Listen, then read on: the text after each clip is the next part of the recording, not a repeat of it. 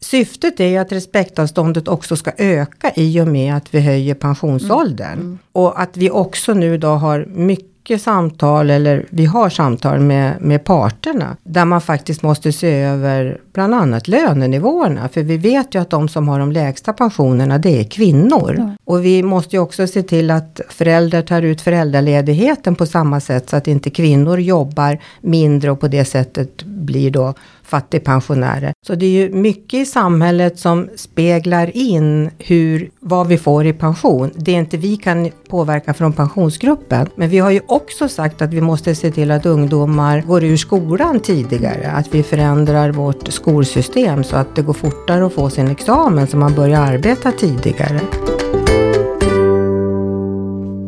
Snart klubbar riksdagen igenom den första höjningen av pensionsålder sedan den allmänna pensionen infördes för ungefär 100 år sedan. I ett första skede höjs den lägsta åldern för när du kan börja ta ut din allmänna pension från 61 till 62 år.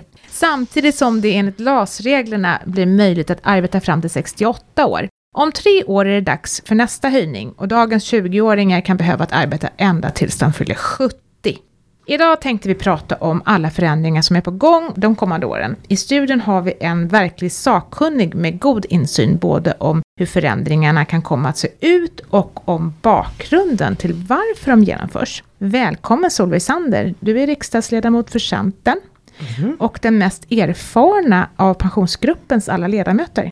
Berätta, vem är du och varför ägnar du en så stor del av ditt politiska liv åt just pensioner? Ja, att jag, varför jag ägnar mig åt pensioner, det var rätt intressant. För det fick jag faktiskt lov att tänka till. Men, men jag tror att eh, det grundar sig i att eh, om man är uppvuxen med en ensamstående mamma som alltid har sagt att eh, man måste jobba för att tjäna pengar så att man kan känna trygghet om det händer något. Och, och då betyder ju det att eftersom jag då också är socionom då så var ju det här sociala området det jag ville jobba med när jag kom till riksdagen. Och att jag fick komma till socialförsäkringsutskottet, det var min första önskan. Så det fick jag. Och då ligger det ju väldigt nära till hands att man är intresserad av de ekonomiska trygghetssystemen. Och pensionen är ju verkligen det. Så mm. ja, det är nog därför jag är intresserad utav att göra det bättre för pensionärer. Mm. Och nu har du suttit i pensionsgruppen, hur många år är det nu då? När kom ja, du in? Jag kom till riksdagen 2006 och började direkt då med pensionsgruppen. Mm. Och det är en tung maktfaktor, pensionsgruppen, när det gäller pensioner i Sverige. Men för alla som inte har koll, varför finns pensionsgruppen och vad gör ni? Ja, vi har en väldigt viktig uppgift för vårt pensionssystem ligger ju utanför eh, statsbudgeten. Och då måste ju den ändå förvaltas och ses över och uppdateras i enlighet med när Sverige förändras. Varje parti som var med om och kom överens om pensionssystemet är med i pensionsgruppen. Och nu är det ju också Miljöpartiet eftersom de då sitter i regering. Mm. Okay, så då, då, har vi backat bandet till 90-talet egentligen, så som det såg mm. ut då när man ändrade pensionerna. Ja, för det, det var i början på 90-talet och då var det ju faktiskt så att de som kom överens om det här systemet, det var de fyra allianspartiet och Socialdemokraterna. Mm. Men det var ju en parlamentarisk grupp och Vänsterpartiet var ju också med då i riksdagen. Mm. Men de eh, drog sig ur på ett mycket tidigt stadium. Så de som fortfarande är utanför pensionsgruppen, det är då Vänsterpartiet och Sverigedemokraterna? Ja, just det. Mm. Är ni alltid överens då? Eller bråkar ni? Och i så fall, vad, vad bråkar ni om? Nej, vi är inte alltid överens till att börja med. Definitivt inte. Och det tror jag är en styrka i det här sammanhanget. För det gäller ju för oss att ge och ta. Så när vi väl har kommit överens, då, då vet vi att det vi då beslutar, det kommer att gå igenom och det kommer att hålla till nästa istid. Men det är klart att vi är ovänner, men det är inte, vi bråkar inte. Men, men, men vi har ju mycket olika åsikter ifrån början oftast, det kan jag säga. Så även om det här beslutet nu om de nya pensionsåldrarna inte är klubbat riktigt när vi spelar in det här programmet, så är vi ganska säkra på att det, det ja. kommer bli så. Ja. Det har ju ändå riktats lite kritik kring att det här ändå är odemokratiskt. Att liksom, här kan man bestämma en massa saker och det, vi som väljare kan inte säga så mycket. Hur bemöter du den kritiken? Jo, visst kan väljarna säga jättemycket, absolut. Vi är ju ändå partiföreträdare och vi träffar ju väljarna, så visst kan man påverka oss. Och vi har ju också mycket mycket, mycket samarbete med våra pensionärsorganisationer och med andra som är intresserade utav det som rör pensioner. Och vi försöker vara så öppna vi kan. Och, och jag brukar säga att jag tror jag använder hälften av min tid i riksdagen till att vara ute och berätta om vårt pensionssystem. För alla upptänkliga tillfällen och så. Så nej, inte är det någon sluten grupp inte, mm. utan man kan verkligen påverka. Ja, och nu är ni ju överens om de här höjda pensionsåldrarna. Och höjningarna börjar nästa år redan och sen fortsätter de. Och det intressanta är då att de mer ska kopplas till medellivslängden för olika åldersgrupper. Och det innebär ju att olika åldrar kommer att ha olika pensionsålder helt enkelt. Hur ska det här fungera? Berätta. Hur är tanken? Tanken är ju helt enkelt att eh, sen pensionssystemet genomfördes då i början på 90-talet så har ju eh, medellivslängden ökat med nästan tre år. Och det säger sig ju själv att de beräkningar man då gjorde på hur länge man skulle vara pensionär och hur mycket man skulle behöva arbeta för att få en dräglig pension att det också måste höjas i takt med medellivslängden. Så det, det, är ju det som är skälet till att vi nu ska höja pensionsåldern. Och det kommer helt enkelt att bli så att vi slussar in den här höjningen undan för undan under de närmaste åren. Så vi börjar ju med att vi höjer till 62 nästa år då, när man får ta ut eh, den allmänna pensionen. För det gäller ju idag vid 61. Men nästa år så höjer vi då så att det ska bli 62. Och så fortsätter vi höjningen på det sättet med alla de åldrarna.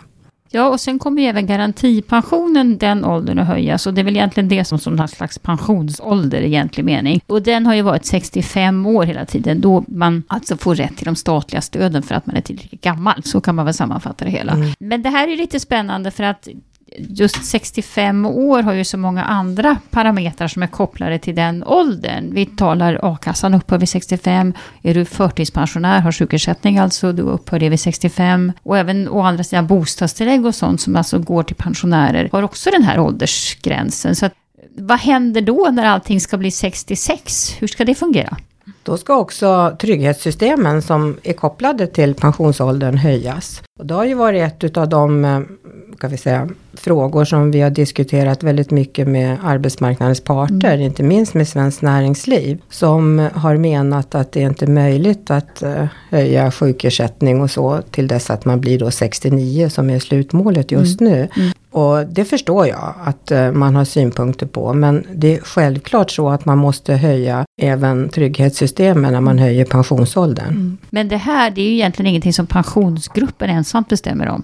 Definitivt inte. Nej, så, så hur, hur, ska det gå till rent praktiskt? För det finns ju liksom inget lagförslag kring det här än. Nej, och de lagförslagen är, är ju på gång naturligtvis. Mm. Och eh, vi kan väl säga att eh, diskussionen har ju under årens lopp, för det här med att höja pensionsåldern, det är ju ingenting som vi har bestämt de senaste två Nej. åren, utan det här har ju diskuterats länge. Och det har ju varit synpunkter på att det också kommer att kosta staten en del, som ju betalar pension och sjukersättning för personer som då är sjuka.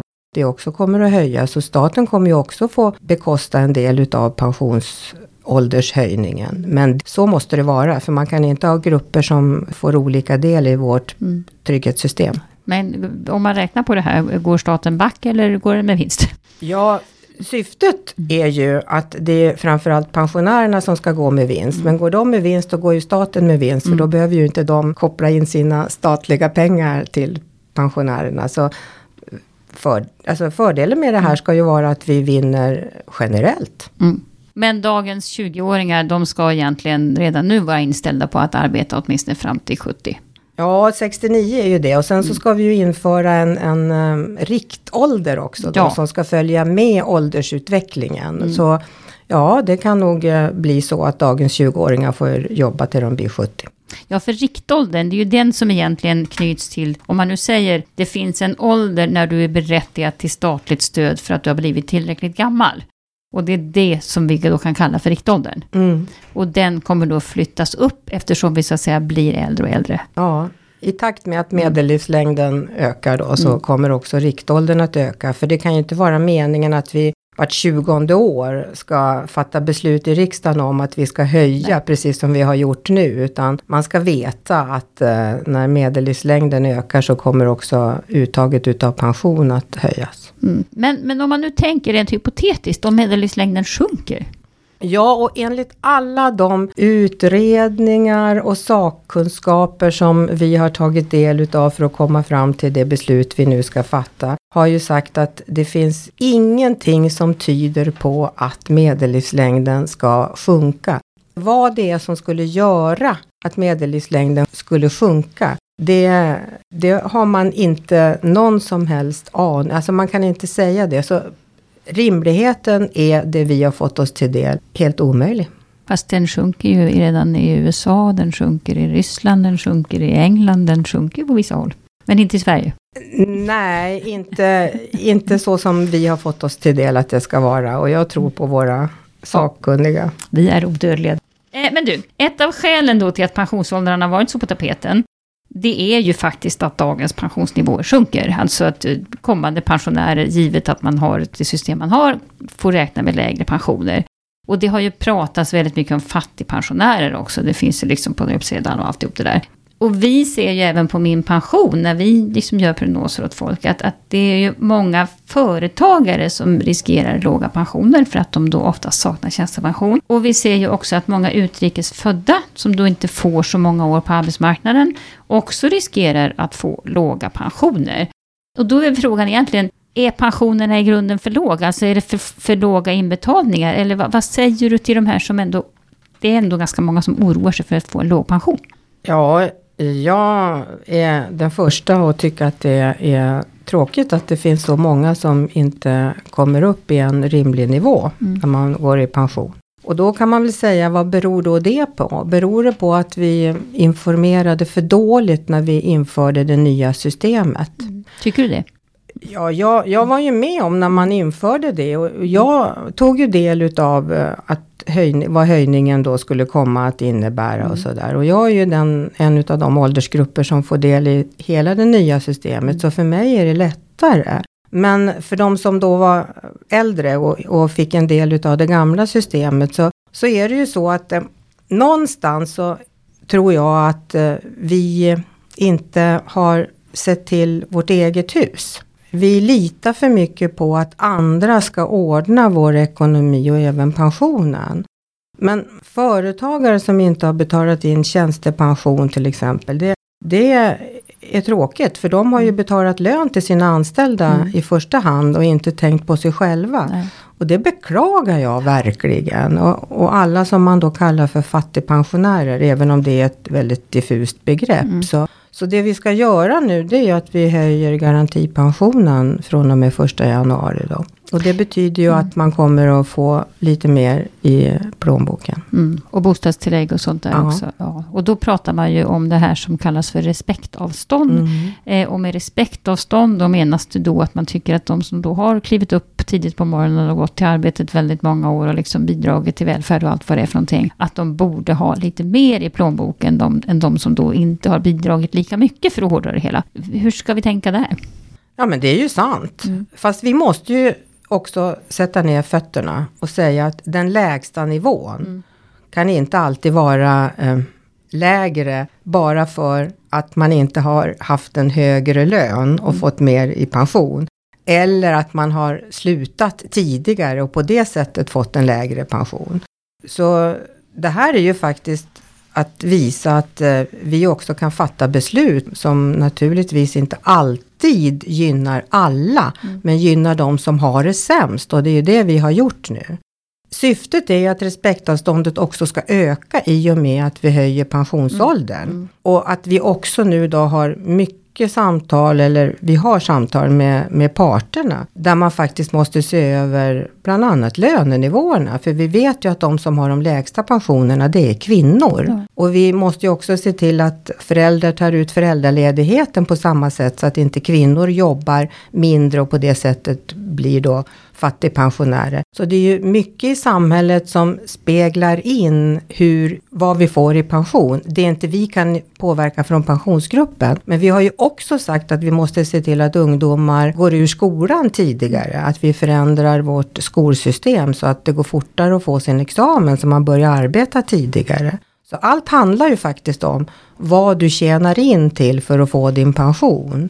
Ja, för samtidigt så kan man säga, okej, okay, ni säger att man borde gå ut fortare ur skolan, man borde dela, alltså det är mycket borde, mycket upp till individen, men, men det har ju inte avspeglats i någon typ av ändrad lagstiftning eller några reformer som, som så att säga underlättar de här knuffarna. Nej, men det, det, man håller ju på att arbeta fram det på departementet och titta på hur man ska medverka till att man går igenom skolan fortare mm. med tre termins system och så. Så det finns ju faktiskt eh, arbete som pågår i den riktningen. Nu fick du höra lite nyheter här. Ja, det, får vi, det blir spännande att se vad mm. det kommer till. Ja, och sen då måste jag ändå fråga frågan, för att jag menar ett annat sätt att lösa det här med respektavståndet, så att säga, det är naturligtvis att man ökar inbetalningar till den allmänna pensionen. Eh, och det har ju framförs från vissa partier och eh, kanske från fackliga företrädare också, som tycker att det här med 18,5 procent, som inte ens är 18,5, man så att säga ska höja inbetalningarna för att den vägen öka pensioner, åtminstone på sikt. Vad tycker du? Ja, det är ju en del i våra överenskommelser från mm. december 2017 mm. med alla de här nio punkterna. Och en av de punkterna är ju att vi också ska se hur vi kan förstärka pensionssystemet. Och det vi har gjort, det är ju det att vi har sett över placeringsreglerna mm. för våra fonder. Mm. Både för PPM och, och AP-fonderna. Och det ska ju bidra till att vi också ökar införseln i systemet. Men, men en av punkterna är hur kan vi se till att eh, också få mer pengar på något annat sätt. Så du kan tänka dig höjda avgifter? i någon form? Jag har jättesvårt att se ett förslag på hur det skulle gå till idag. Mm. Mm. Någon måste ju betala. Mm. Och frågan är vem som ska betala. Jag tycker inte att eh, arbetsgivarna ska betala mer, för de betalar redan orimligt mycket i arbetsgivaravgifter och liknande. Och jag tror inte att eh, våra arbetstagare är beredda att avsätta mer pengar mm. till pensionssystemet. Och med tanke på statens eh, egna börs så undrar jag var i den man ska ta pengarna till detta i sådana fall. Det finns många andra utgifter, ja. Mm. Men då, det finns ju också andra förespråkare, om vi tar hela linjen då, vi nu så att säga siktar på att få lite mer i plånboken som pensionärer. Eh, eget sparande och någon typ av sparbonus eller någonting sånt där som skulle säga ett gynnat sparande för framtida pensionärer pensionärer. Hur tänker ni här då? Jo men det är ju också någonting som, som man kan ta med som ett av förslagen till mm. hur kan vi få in mer pengar ja. i systemet. Ja. Och framför allt så är det ju faktiskt så att vi måste ju tänka själva, kan jag spara någon hundralapp? Jag var ju en av de som när jag fick barn började spara en krona och det är ju 30 år sedan nu. Mm. Och de hundralapparna jag har sparat har ju faktiskt blivit ganska mycket på 30 år. Så om man bara spar en liten summa så kan ju det göra skillnad. För pensionssystemet består ju av tre delar. Mm. Den allmänna delen och tjänstepensionen och även en del som kan vara privatsparande. Men om du tänker tillbaka till att pensionsgruppen alltså enats om att man på något sätt bör tillföra mera pengar till systemet. För att är det rätt då? vi har sagt att vi ska titta på om det är möjligt. Aha, vi har inte enats om att vi ska. men vi har, det är en av punkterna är att vi ska titta på det. Ja, okay. Nu tänker jag med ett litet stickspår, jag som också är ute och pratar med många människor, precis som du, om hur pensionerna ser ut. Och då är det ju det här med bostadstillägget som ni vill höja, förutom att ni ska höja garantipensionerna. Mm. Och då tänker jag, du som centerpartist och som möter många många kvinnor i glesbygd. Vad jag hör är ju att många som inte riktigt gillar det här med bostadstillägget eftersom de känner sig missgynnade här. För de bor ofta i ganska lågt belånade hus. De har inte så stora boendekostnader för de bor på landet och så. Men däremot när de ska åka till affären eller vårdcentralen eller någonting så tar de bilen. Och bilen är ju inte billig. Så hur, alltså man behöver en bil och, och vad säger du till dem? Ja, men, har du mött dem också? Självklart. Ja, misstänkte det. ett utav, ja. nej, men ett utav det som jag ju nu då är ganska stolt över, det är ju mm. att vi höjer garantipensionen. Mm. Eh, och det betyder ju att de kvinnor som du säger som bor på landsbygden och inte har haft någon egen arbetsinkomst då eller tjänstepension och så. De kommer ju att få en högre pension. Men sen är det ju så, och det hörde vi ju faktiskt på nyheterna idag, hur få det ändå är som inte ansöker om bostadstillägg mm. som är berättigade till det. Och jag är övertygad om att även om man bor på landet i, sin egen, eh, i sitt eget hus så har man ju utgifter för sophämtning och värme och så. Och, och det skulle säkerligen kunna rendera till ett litet bostadstillägg också. Det är jag fullkomligt övertygad om. Och det som i det här sammanhanget gör mig mest upprörd, det är ju det att man tycker att det är att man ansöker om en allmosa. Ja, det är det. Intressant. Och det Mm. är det ju inte, för det är ju en rättighet man har. Så om man kunde få alla som, eh,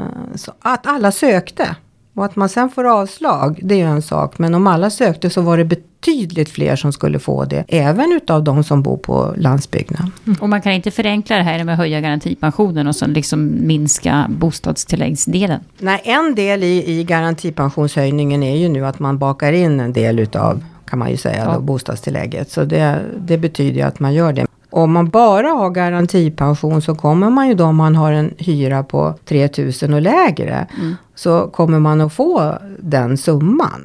Så därför, Ja. så där, och sen höjer vi ju bostadstillägget om man har högre också då kostnader för bostaden. Men problemet är ändå att eh, det skulle vara betydligt fler som sökte för de skulle få. Ja, men man får ingen seniorrabatt för bilen. Nej, det får man inte. Nej, det får man inte. Men om jag sammanfattar det här då, för att jag tycker du har ju ändå suttit med så pass länge och egentligen levt med pensionsreformen ända sedan den infördes. Har det blivit som du tänkte tycker du, eller finns det någonting både som har blivit bättre och som kanske inte riktigt är så bra som man tycker att det borde ha varit? När det gäller pensioner överlag. Nej, jag, alltså jag tycker att det är bra att det ligger utanför statsbudgeten. Det tycker jag är otroligt bra. För vi kan inte ha ett pensionssystem som likt eh, barnbidrag och föräldraförsäkring och vad det nu är ändras vart fjärde år. För det som vi beslutar om i pensionsgruppen, det vet vi kommer att hålla. Ja. Våra ungdomar idag vet att de kommer att få en pension en gång i världen. Och de vet också vad det är som är för regler för att du ska få det. Och det vet vi ju inte om de andra ekonomiska trygghetssystemen. Så det tycker jag är otroligt bra. Men sen eh, kan man ju säga så här att man var kanske för optimistisk när eh, man i genomförandefasen trodde att alla skulle ta till sig det nya pensionssystemet och också agera efter det. Och det hade jag önskat att man skulle ha upplyst mycket, mycket mer om. Och jag tror att det är tillfälle nu att kanske göra en ny sån här informationskampanj så att man förstår hur enkelt det faktiskt är. Ju mer du jobbar ju högre pension får du. Men en liten konspiratorisk fråga. Var det rent av så att man förstod att det skulle liksom behövas lite fler arbetade år och såna här saker? Man kanske inte ville tala om den beska sanningen. Genomförandegruppen säger ju att det inte var så. Det de räknade på det var ju det att, att de 40 åren man jobbade skulle räcka. Och då räknade man ju med tjänstepensionen också förstås. Och eftersom de flesta som får en låg pension har en låg tjänstepension eller ingen alls. Och att man trodde att alla skulle jobba i 40 år. Och det gör de ju inte heller och det är ju det som är problemet. Så när genomförandegruppen säger ju att man trodde att det här skulle vara det som var rimligt. Att man skulle få 65-70% utav sin inkomst. Trodde man inte också att kvinnors löner skulle ha Jo. ökat mer och Jo. snabbare? Jo, det Och tror jag att, vi inte, och att kvinnor skulle jobba mera, trodde man Ja, också. alltså jämställdheten trodde man skulle gå mycket, mycket längre, fortare. Och det kan jag ju beklaga att det verkligen inte har gjort. För jag bekymrar mig idag över unga tjejer som får barn som faktiskt stannar hemma och jobbar deltid. Alltså upplysta, kloka, välutbildade tjejer som ändå tar på sig den här uppgiften. Och jag kan inte nog poängtera att, eh, att de måste tänka till lite bättre.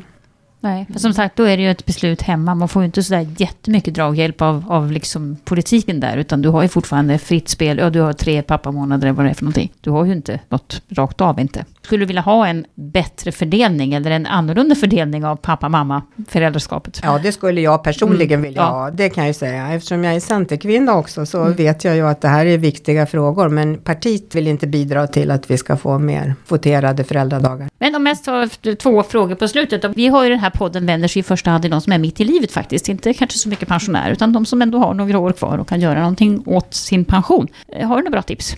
Ja, tipset är jobba fram till eh, pensionsåldern. Mm. Gå inte i förtida uttag på något sätt utan jobba heltid. Och om möjligt se till att och se över tjänstepensionen och också då premiepensionen. Är det så att du kan byta dina fonder där eller inte? Eh, och man behöver ju inte vara eh, civilekonom för att göra det utan det kan man ju få stöd och hjälp med. Så se över din pension var du än befinner dig i livet och se vad du kan göra för att eh, öka på den.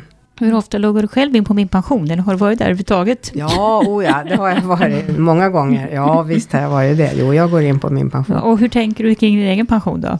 Ska du bli pensionär någon gång eller? Ja, någon gång ska jag bli Ja. pensionär. Nej, men jag har ju som sagt jobbat i hela mitt liv då, så, sen jag slutade socialhögskolan. Så jag menar, jag kommer ju ändå få en rimlig pension och har jobbat inom offentlig verksamhet. Så det är klart att jag kommer att få en pension. Men när jag upptäckte i somras när jag fick eh, ett litet brev ifrån Uppsala läns landsting, där jag ju bland annat har varit anställd.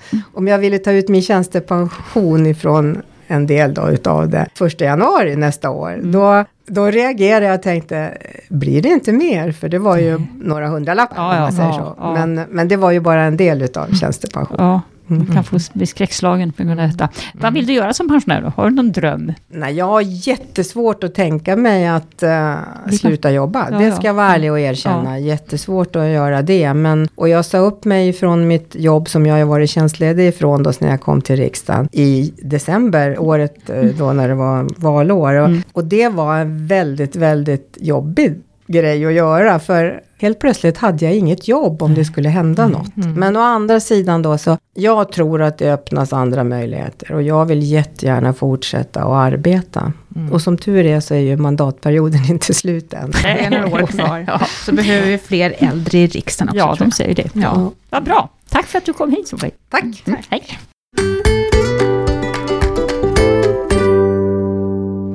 Vi har fått en fråga från en person som är född 1979 och eh, den här personen kan inte längre göra en prognos från 61 år på min pension. Varför har det blivit så här nu Kristina? Ja, för att den här hela podden har ju handlat om att vi håller på att höja åldrarna i pensionssystemet och det är klart, då kan vi ju inte ha falsk marknadsföring på min pension, Nej, utan även inte. vi måste höja åldrarna. Eh, Och då är det ju den allmänna pensionen som berörs och kopplas till den ålder du själv har. Så är du född 1979 så är det väl 65 år som gäller tror jag, för den första gången du kan börja ta ut din allmänna pension. Så att vi anpassar oss till verkligheten, så kan man säga.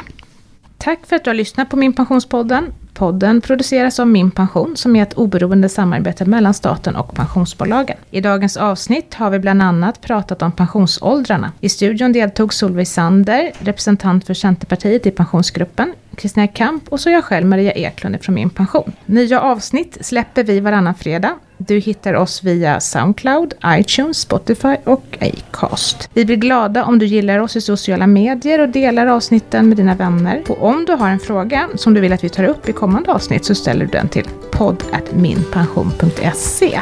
Ha det bra och ta hand om din pension så hörs vi snart igen. Hej då! Hej hej!